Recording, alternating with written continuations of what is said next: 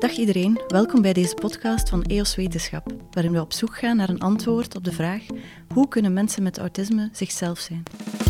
Ik ben Lisbeth Gijssel, hoofdredacteur van EOS Psyche en Brein, en om die vraag te beantwoorden zit ik vandaag bij Jean Steygaard. Hij is kinder- en jongerenpsychiater aan het Universitair Psychiatrische Centrum van de KU Leuven. Dag Jean. Goeiedag Lisbeth. Hoe kun je autisme eigenlijk herkennen bij je eigen kind? Er zijn een aantal uh, criteria ontwikkeld om autisme te kunnen herkennen. Dat betekent niet dat alle kenmerken die je gaat zien bij je kind volledig met die criteria overeenkomen, want uh, autisme is, zoals het officiële woord het zegt, autisme spectrumstoornis, is een spectrumstoornis. Dat betekent dat binnen de mensen bij wie die criteria van toepassing zijn, dat er redelijk wat variatie bestaat in wat dat je ziet. Bij de een gaat het meer bijvoorbeeld zich als eerste kenmerk uiten dat het kind uh, heel weinig flexibel is. Bij een ander kind ga je zien dat hij uh, geen oogcontact heeft, dat hij niet met je communiceert of niet met je communiceert op een affectieve manier, op een wederkerige manier.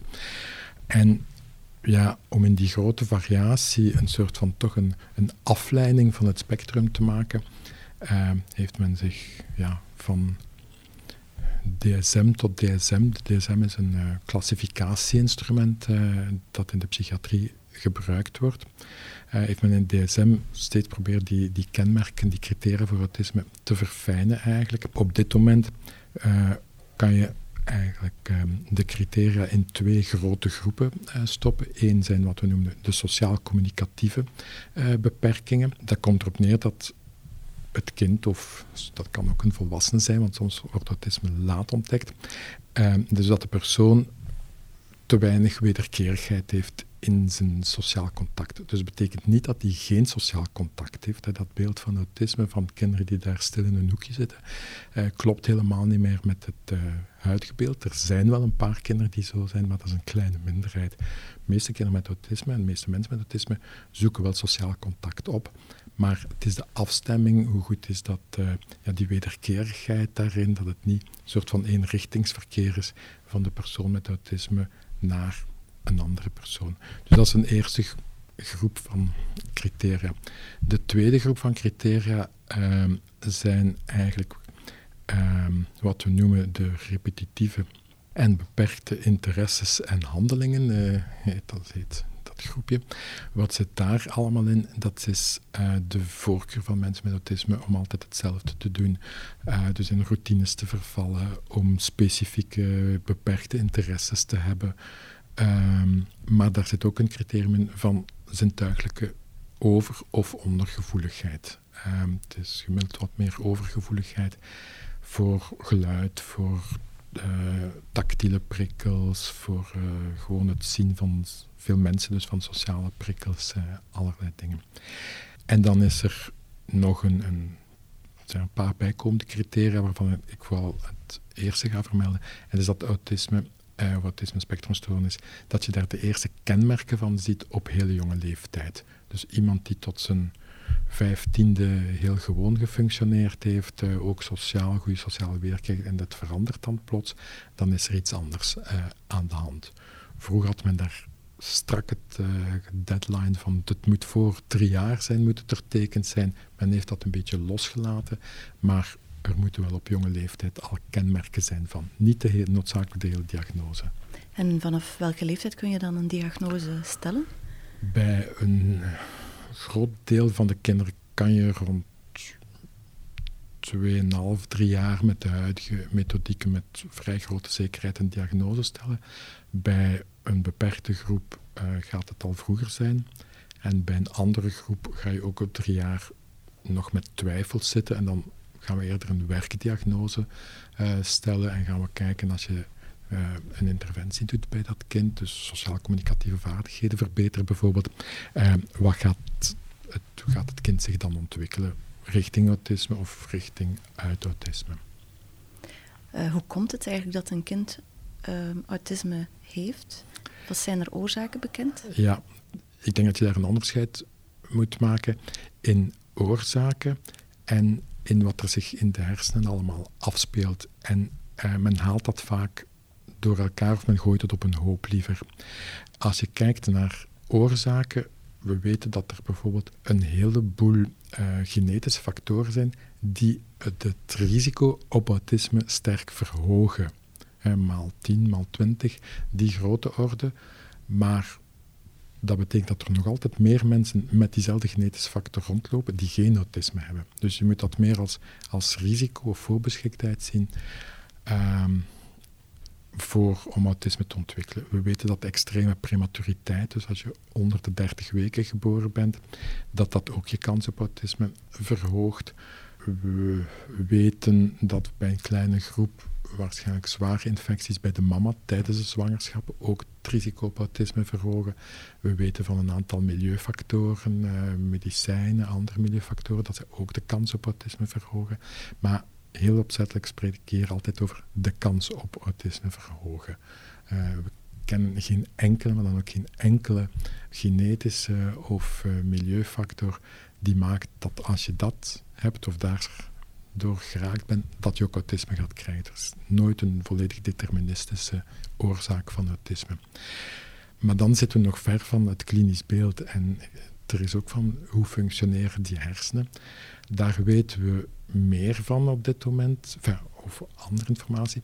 Bijvoorbeeld, we weten dat bij mensen met autisme dat hun hersenen vaak beter zijn in het verwerken van heel gedetailleerde informatie, terwijl die hersenen minder goed zijn in het integreren van informatie. Uh, maar dat zijn verschijnselen op, op groepsniveau. Uh, als je 100 mensen met autisme in de scanner brengt of bepaalde testen gaat afnemen, ga je dat soort fenomenen zien die ik net noemde. Uh, maar op individueel niveau is dat niet altijd zo. Wat maakt dat dat hersenfunctioneren heel interessant is voor basiswetenschappers uh, om te begrijpen hoe ontstaat autisme. En misschien dat we dat over een paar tientallen jaren nog veel meer over weten. Maar als diagnostisch instrument is het op dit moment niet bruikbaar, omdat er gaan altijd vals positieve en vals negatieve zijn met uh, wat we weten over hersenfunctioneren. Ontwikkelen de hersenen van de meeste mensen met autisme zich dan anders prenataal gezien, omwille van al die invloeden zoals genetica, uh, ziekte van de moeder? Zelfs dat weten we niet met volledige zekerheid prenataal, maar bij een grote groep hebben we wel argument om te denken, het zal prenataal wel bij de meeste beginnen, maar er is ook een duidelijke postnatale ontwikkeling. Uh, kinderen worden niet letterlijk geboren met autisme. Dat is heel zeldzaam dat je een, kind hebt van een paar weken dat je zegt van, oh ja, hier komt geen contact tot stand bijvoorbeeld. Hè. Uh, vaak zie je eerder dat ze in het eerste jaar, anderhalf jaar, in het autisme groeien. Soms kan dat zelfs nog later zijn, soms tot leeftijd van twee, drie en enkele keer tot vier jaar, dat je ziet dat die ontwikkeling echt afbuigt. Dat het kind dat wel sociale communicatieve vaardigheden had en, en wederkerigheid, ja, dat die gaat afbuigen, dat die nog motorisch ontwikkelt, uh, cognitief ontwikkelt, maar sociaal-communicatief niet meer ontwikkelt of een ander pad opgaat. Zo. Dus je, de, de zuigeling, de peuter, groeit als het ware in autisme. Maar dat begint waarschijnlijk al voor de geboorte. Zijn er dan ook postnatale, dus als het kind al geboren is, factoren die kunnen beïnvloeden dat een kind zich ontwikkelt als iemand met autisme?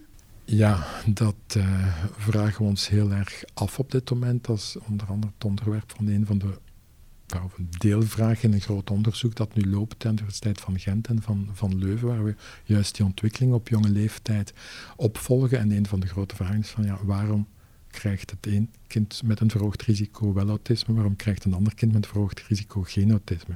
Zijn dat postnatale factoren? Is dat toeval? Zijn het heel andere dingen?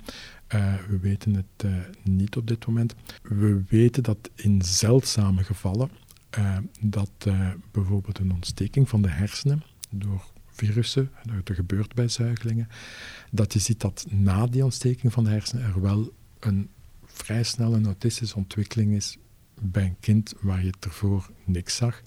En we concluderen, maar dat is nooit 100% zeker, dat het waarschijnlijk die oorzaak is. Maar dat is een vrij zeldzaam verschijnsel. Want het bestaat, spectaculair. En het is ja, heel treurig, want je had een heel gewoon kind en opeens heb je een heel uh, ontwikkelingsgestoord kind. En hier is ook wel eens iets over het verband tussen uh, darmflora, microbioom en autisme. Uh, wat zegt onderzoek daarover? Wat weten we daarover? Naar oorzaken weten we daar volledig niks over.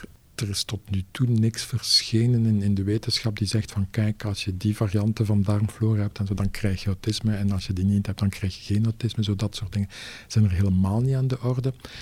Er is nu wel lopend onderzoek waarbij we proberen wat, wat een, een, duidelijker zicht te krijgen op een verwantwaarschijnlijk, dat is of die darmflora een invloed heeft op hoe ernstig bijvoorbeeld het autisme tot uitdrukking komt bij het een kind tegenover het andere kind.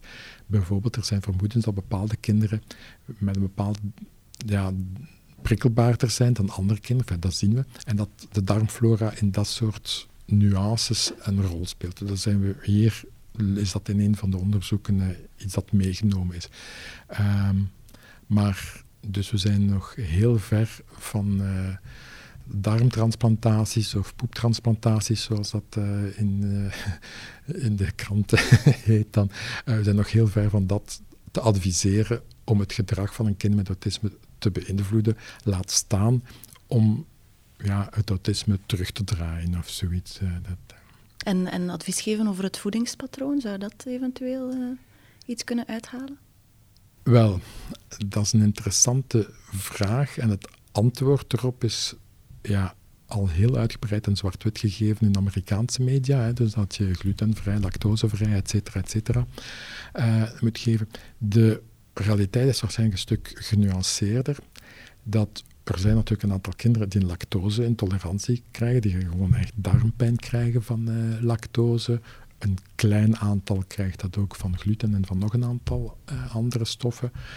Dat is niet specifiek voor autisme, maar we weten wel dat kinderen met autisme, die gaan vaak lichamelijke klachten veel minder communiceren, zijn heel overgevoelig, dus ze, ze voelen dat heel fel. En dat kan hun gedrag wel heel sterk beïnvloeden.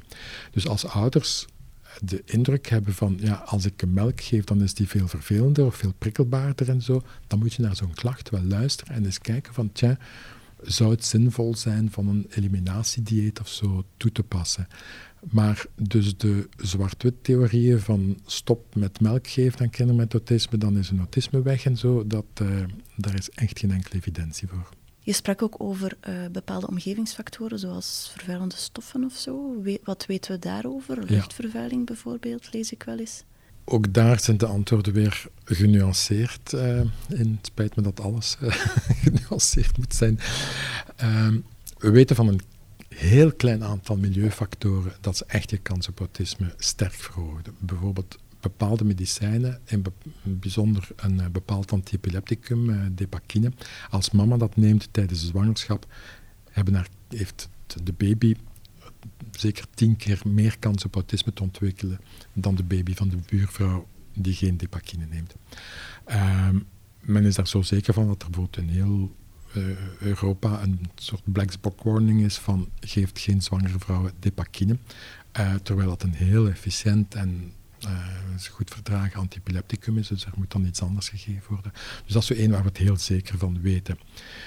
Daarnaast zijn er vermoedens dat fruitpesticiden wel een rol kunnen spelen, maar als men dat grondig is gaan onderzoeken in grote gebieden, bijvoorbeeld in Californië heb je van die enorme fruitteeltgebieden, dan kan je op heel veel mensen gaan testen. Uh, wie krijgt en heeft de mama pesticiden ingeademd tijdens de, de, zwangerschap en dat soort dingen.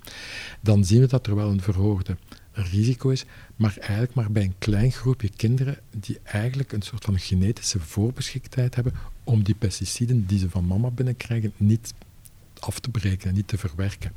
En dat soort gen-omgeving-interacties, zo zijn er een paar beschreven. We zien dat door stikstofoxide in de uitlaatgassen, dat uh, een kleine groep kinderen daar heel gevoelig voor is en dat die ontwikkelingsstoornissen, waaronder autisme, kunnen ontwikkelen. Maar ook dat is een genetische variante bij die kinderen, die maakt dat ze gevoelig zijn voor die milieufactor. Behalve die depakine en nog een paar dingen weten we eigenlijk van geen enkel milieufactor dat die op, op zich helemaal uh, autisme uh, bepaalt. Maar we weten van een klein aantal dat er een gen-omgevingsinteractie is. Dus een beschik, voorbeschiktheid van het kind en een milieufactor. Als je nu zelf autisme hebt als vader of moeder, kun je dan maatregelen in acht nemen als je zwanger bent om dat autisme niet door te geven aan je kind? helaas niet, nee. ik denk dat het altijd gezond is van gezond te eten tijdens de zwangerschap, niet te roken, niet te drinken, want we weten dat al die factoren die de doorbloeding de, door de placenta en dus de zuurstofvoorziening van het kind wat in het gedrang brengen, dat die de kans op ontwikkelingsstoornissen verhogen. En dus we vermoeden dat als je al aandacht hebt voor een ontwikkelingsstoornis, gaat dan niet uh, ook nog uh, veel roken. Bijvoorbeeld bij ADHD weten we dat iets beter dan bij autisme. Dus dat, je kan het niet helemaal vermijden, maar gezond uh, leven is wel sterk aan te raden. Eén keer het kind geboren is, dan is er nu lopend onderzoek dat gaat kijken van, kijk, die kinderen van ouders met autisme, we weten dat die een verhoogd risico hebben om zelf autisme te ontwikkelen. Kan je dat een stuk ombuigen of de omvang en de ernst van het autisme beperken door heel alert te zijn op het oefenen, versterken van sociaal-communicatieve vaardigheden bij uh, die kinderen. We weten dat kinderen, gewone kinderen, dat die eigenlijk heel gemakkelijk sociaal-communicatieve vaardigheden leren als zuigeling met redelijk weinig input. Uh, je hoeft niet dag en nacht bezig te zijn met je kind om toch normale wederkerigheid te ontwikkelen bij het kind. Het zou kunnen dat de tijd die je besteedt aan samenspelen, etc., bij die risicokinderen veel hoger moet zijn. En dus dat je daar wel een groter deel van de dag bijvoorbeeld met dat kind echt in wederkerige spelletjes moet bezig zijn, proberen een sociale aandacht te richten, al die hele vroege factoren van sociale ontwikkeling. Maar dat is een hypothese, die wordt nu bijvoorbeeld hier op uh, de faculteit uh, orthopedagogiek en op veel andere plaatsen in de wereld, wordt dat ja, echt getest in longitudinaal onderzoek eigenlijk, van kijken van helpt dat of niet. Als je dan, zullen we even overgaan naar de uh, behandeling voor mensen met autisme. Hoe kun je hen helpen om toch die sociale contacten zo goed mogelijk te hebben? Dat is een vraag die een ander antwoord behoeft op verschillende leeftijden. Uh, die sociaal-communicatieve vaardigheden gaan, ja, wat je daarvoor moet doen bij een zuigeling bijvoorbeeld of een peuter, is vooral het stimuleren van basale dingen als wederkerig oogcontact, samen eh, je aandacht richten op iets, uh, samen plezier delen, uh, dat soort zaken. Als je een 15-jarige hebt met een autisme-spectrumstoornis, dan ja, is die, die ontwikkelingsfase een beetje voorbij. En het kan nuttig zijn van die dat te leren, van toch kijk wel naar het gezicht van de mensen als je met hem praat. Tenminste, bij degene die tegen die tijd nog geen oogcontact hebben. Want heel veel mensen met autisme hebben tegen hun puberteit echt wel redelijk goed oogcontact. Dus je gaat de andere dingen gaan aanleren. Je gaat je sociale scenario's gaan aanleren van hoe maak je vrienden, uh, hoe ga je om met uh, meisjes of, of, met jongens als het om een meisje gaat, of, ja, of, of uh, gewoon met partners in alle richtingen. dus je gaat ze dat aanleren in wat meer ja, een gestructureerde vorm, een sociale scenario schrijven noemen we dat.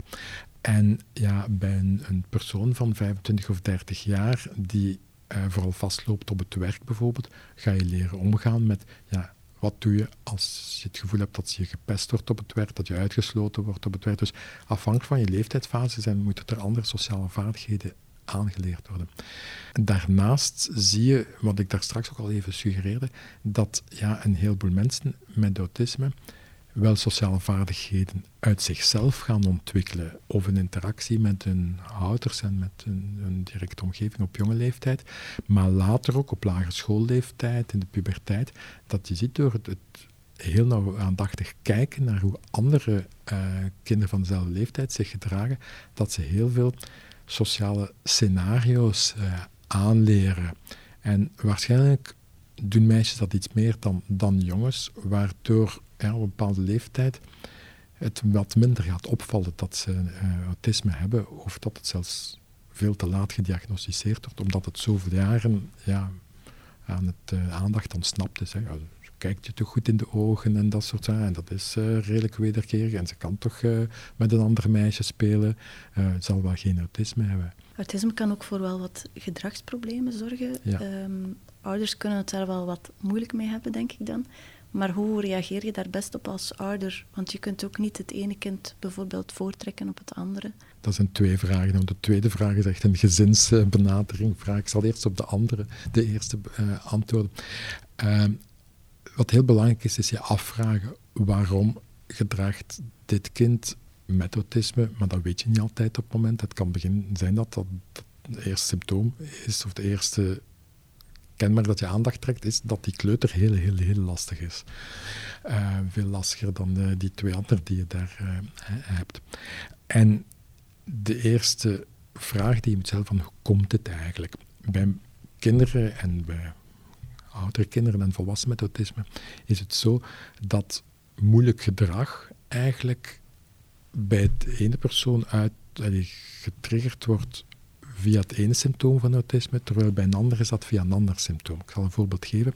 Er zijn kinderen die heel lastig worden omdat ze overprikkeld worden en dus dat ze in een heel prikkelrijke omgeving zijn en dus dat ze ja, eigenlijk gewoon reageren omdat hun, hun, hun systeem aan het overkoken is gewoon. En dus dat elke prikkel erbij komt, hè, gewoon een vraagje die gesteld, bang, tot een ontploffing leidt. Maar bij een ander kind is omdat hij heel vast hangt aan de routine.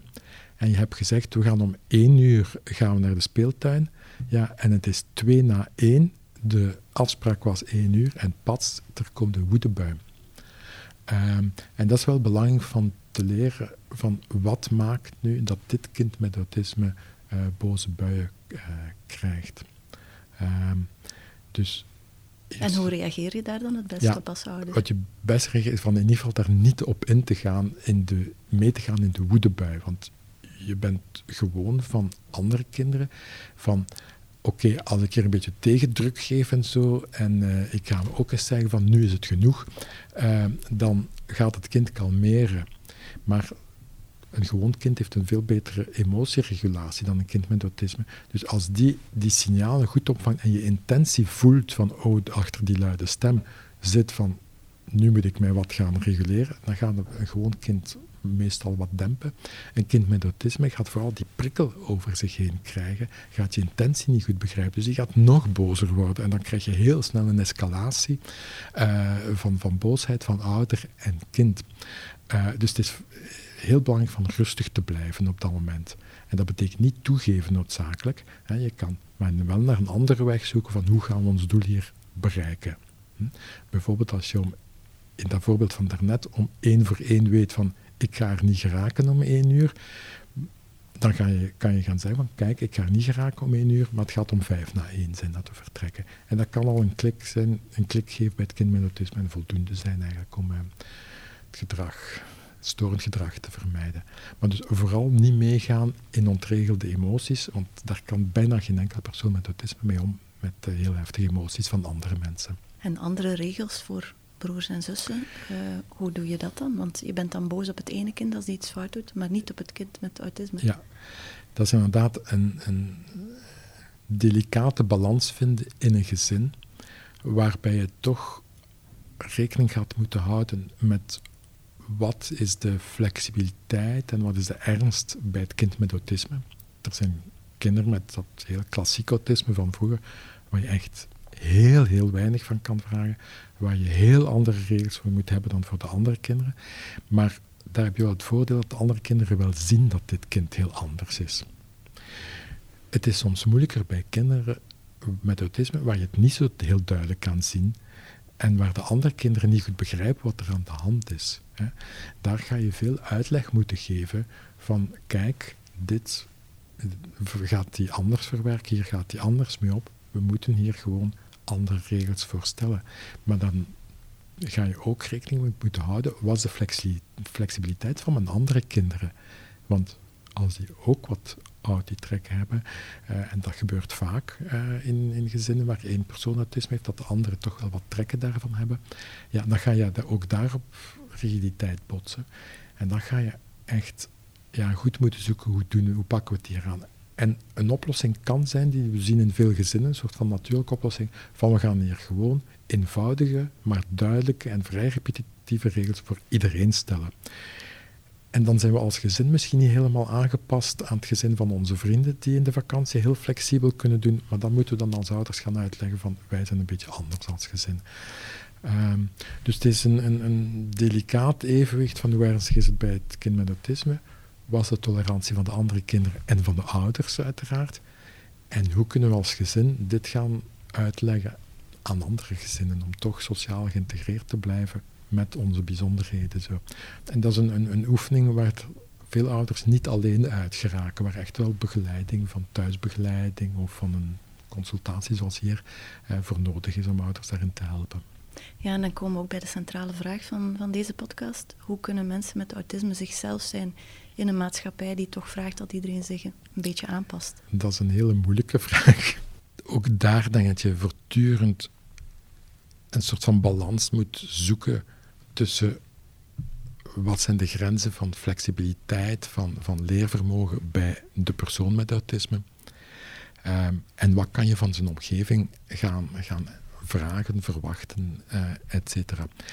Ik denk dat het heel belangrijk is om toch te proberen van, gezien hoe hij is, wat zijn interesses of haar interesses zijn, wat zijn aanpassingsvermogen is um, en zo verder, van toch proberen hem te respecteren in zijn eigen zijn, want mensen met autisme, of nu kinderen zijn of volwassenen, die, je kan ze een beetje ja, op een hoger niveau van functioneren trekken natuurlijk, dat is ook de bedoeling. Maar je kan ze ook heel snel over het paard tillen. En op dat moment ga je zien dat er ja, storend gedrag komt, of angsten en depressies. Hè, want mensen met autisme zijn daar uiteindelijk veel gevoeliger voor. Ze hebben vier keer meer depressies dan mensen zonder autisme. Dus dat is allemaal als ze over het paard getild zijn vaak. Dus je gaat ze een stuk moeten respecteren in hun manier van, van zijn. En op jonge leeftijd ga je ja, vaak de omgeving sterk moeten aanpassen. En dan ga je moeten kijken van hoeveel aanpassing is er nodig in de omgeving. En het is, maar dat is een klinische ervaring, daar is, er is geen grote wetenschap over. Maar het is vaak op jonge leeftijd de omgeving meer aanpassen, zodat het kind juist zichzelf kan zijn. Je gaat het kind wel stimuleren. En dan ga je aftasten wat dat de grenzen zijn van wat het kind bij kan aanpassen. En zo geleidelijk aan ja, de normaliteit van de omgeving in de mate van het mogelijk toch meer invoeren. Heel concreet, je start met een, een, een, vierjarige bijvoorbeeld, die in de kleuterklas echt al die drukte, die onduidelijkheid niet aan kan. Wel, ga die niet forceren om door die kleuterklas te geraken ten alle Ga, die, ja, ga daar de omgeving aanpassen. Maar als je kan vermijden dat dat kind heel veel stress en angsten opbouwt eigenlijk door die heel frustrerende ervaring, dan kan het best zijn dat in een latere ontwikkelingsfase, meer naar het einde van de lagere school of secundair onderwijs, dat je ziet dat je de, ja, het kind in een veel gewonere omgeving kan laten opgroeien. Terwijl als je het omgekeerde doet, van we gaan eerst alles op alles zetten om hem aan te passen, en uh, ja, als dit niet lukt, dan zullen we wel afzakken. Ja, dan zit je al met een getraumatiseerd kind, bij wijze van spreken. En dan is het aanpassingsvermogen juist meer aangetast dan wat je ooit gewild had. Belangrijk is dat de, de, de ontwikkeling van het kind heel goed op de voet volgen. En het is niet een idee van uh, eenmaal autisme, altijd autisme en denken van het is altijd hetzelfde. Nee, je blijft heel je leven lang wel die kenmerken van autisme bewaren, maar het verandert van ontwikkelingsfase tot ontwikkelingsfase, hoe hard dat dan meespeelt. En, en daar is de interactie met de omgeving echt heel erg belangrijk uh, voortdurend. Maar er is geen recept dat uh, voor iedereen oké is, wat dat betreft. Hebben in onze maatschappij tegenwoordig ook niet gewoon in het algemeen veel te veel prikkels, meer dan vroeger? En maakt dat het niet moeilijk voor mensen met autisme? Dat is een, uh, ja, een opmerking die vaak komt natuurlijk. Ik, uh, ik ben ook maar een persoon die in de 20e eeuw geboren is en niet in de 19e eeuw of nog verder terug.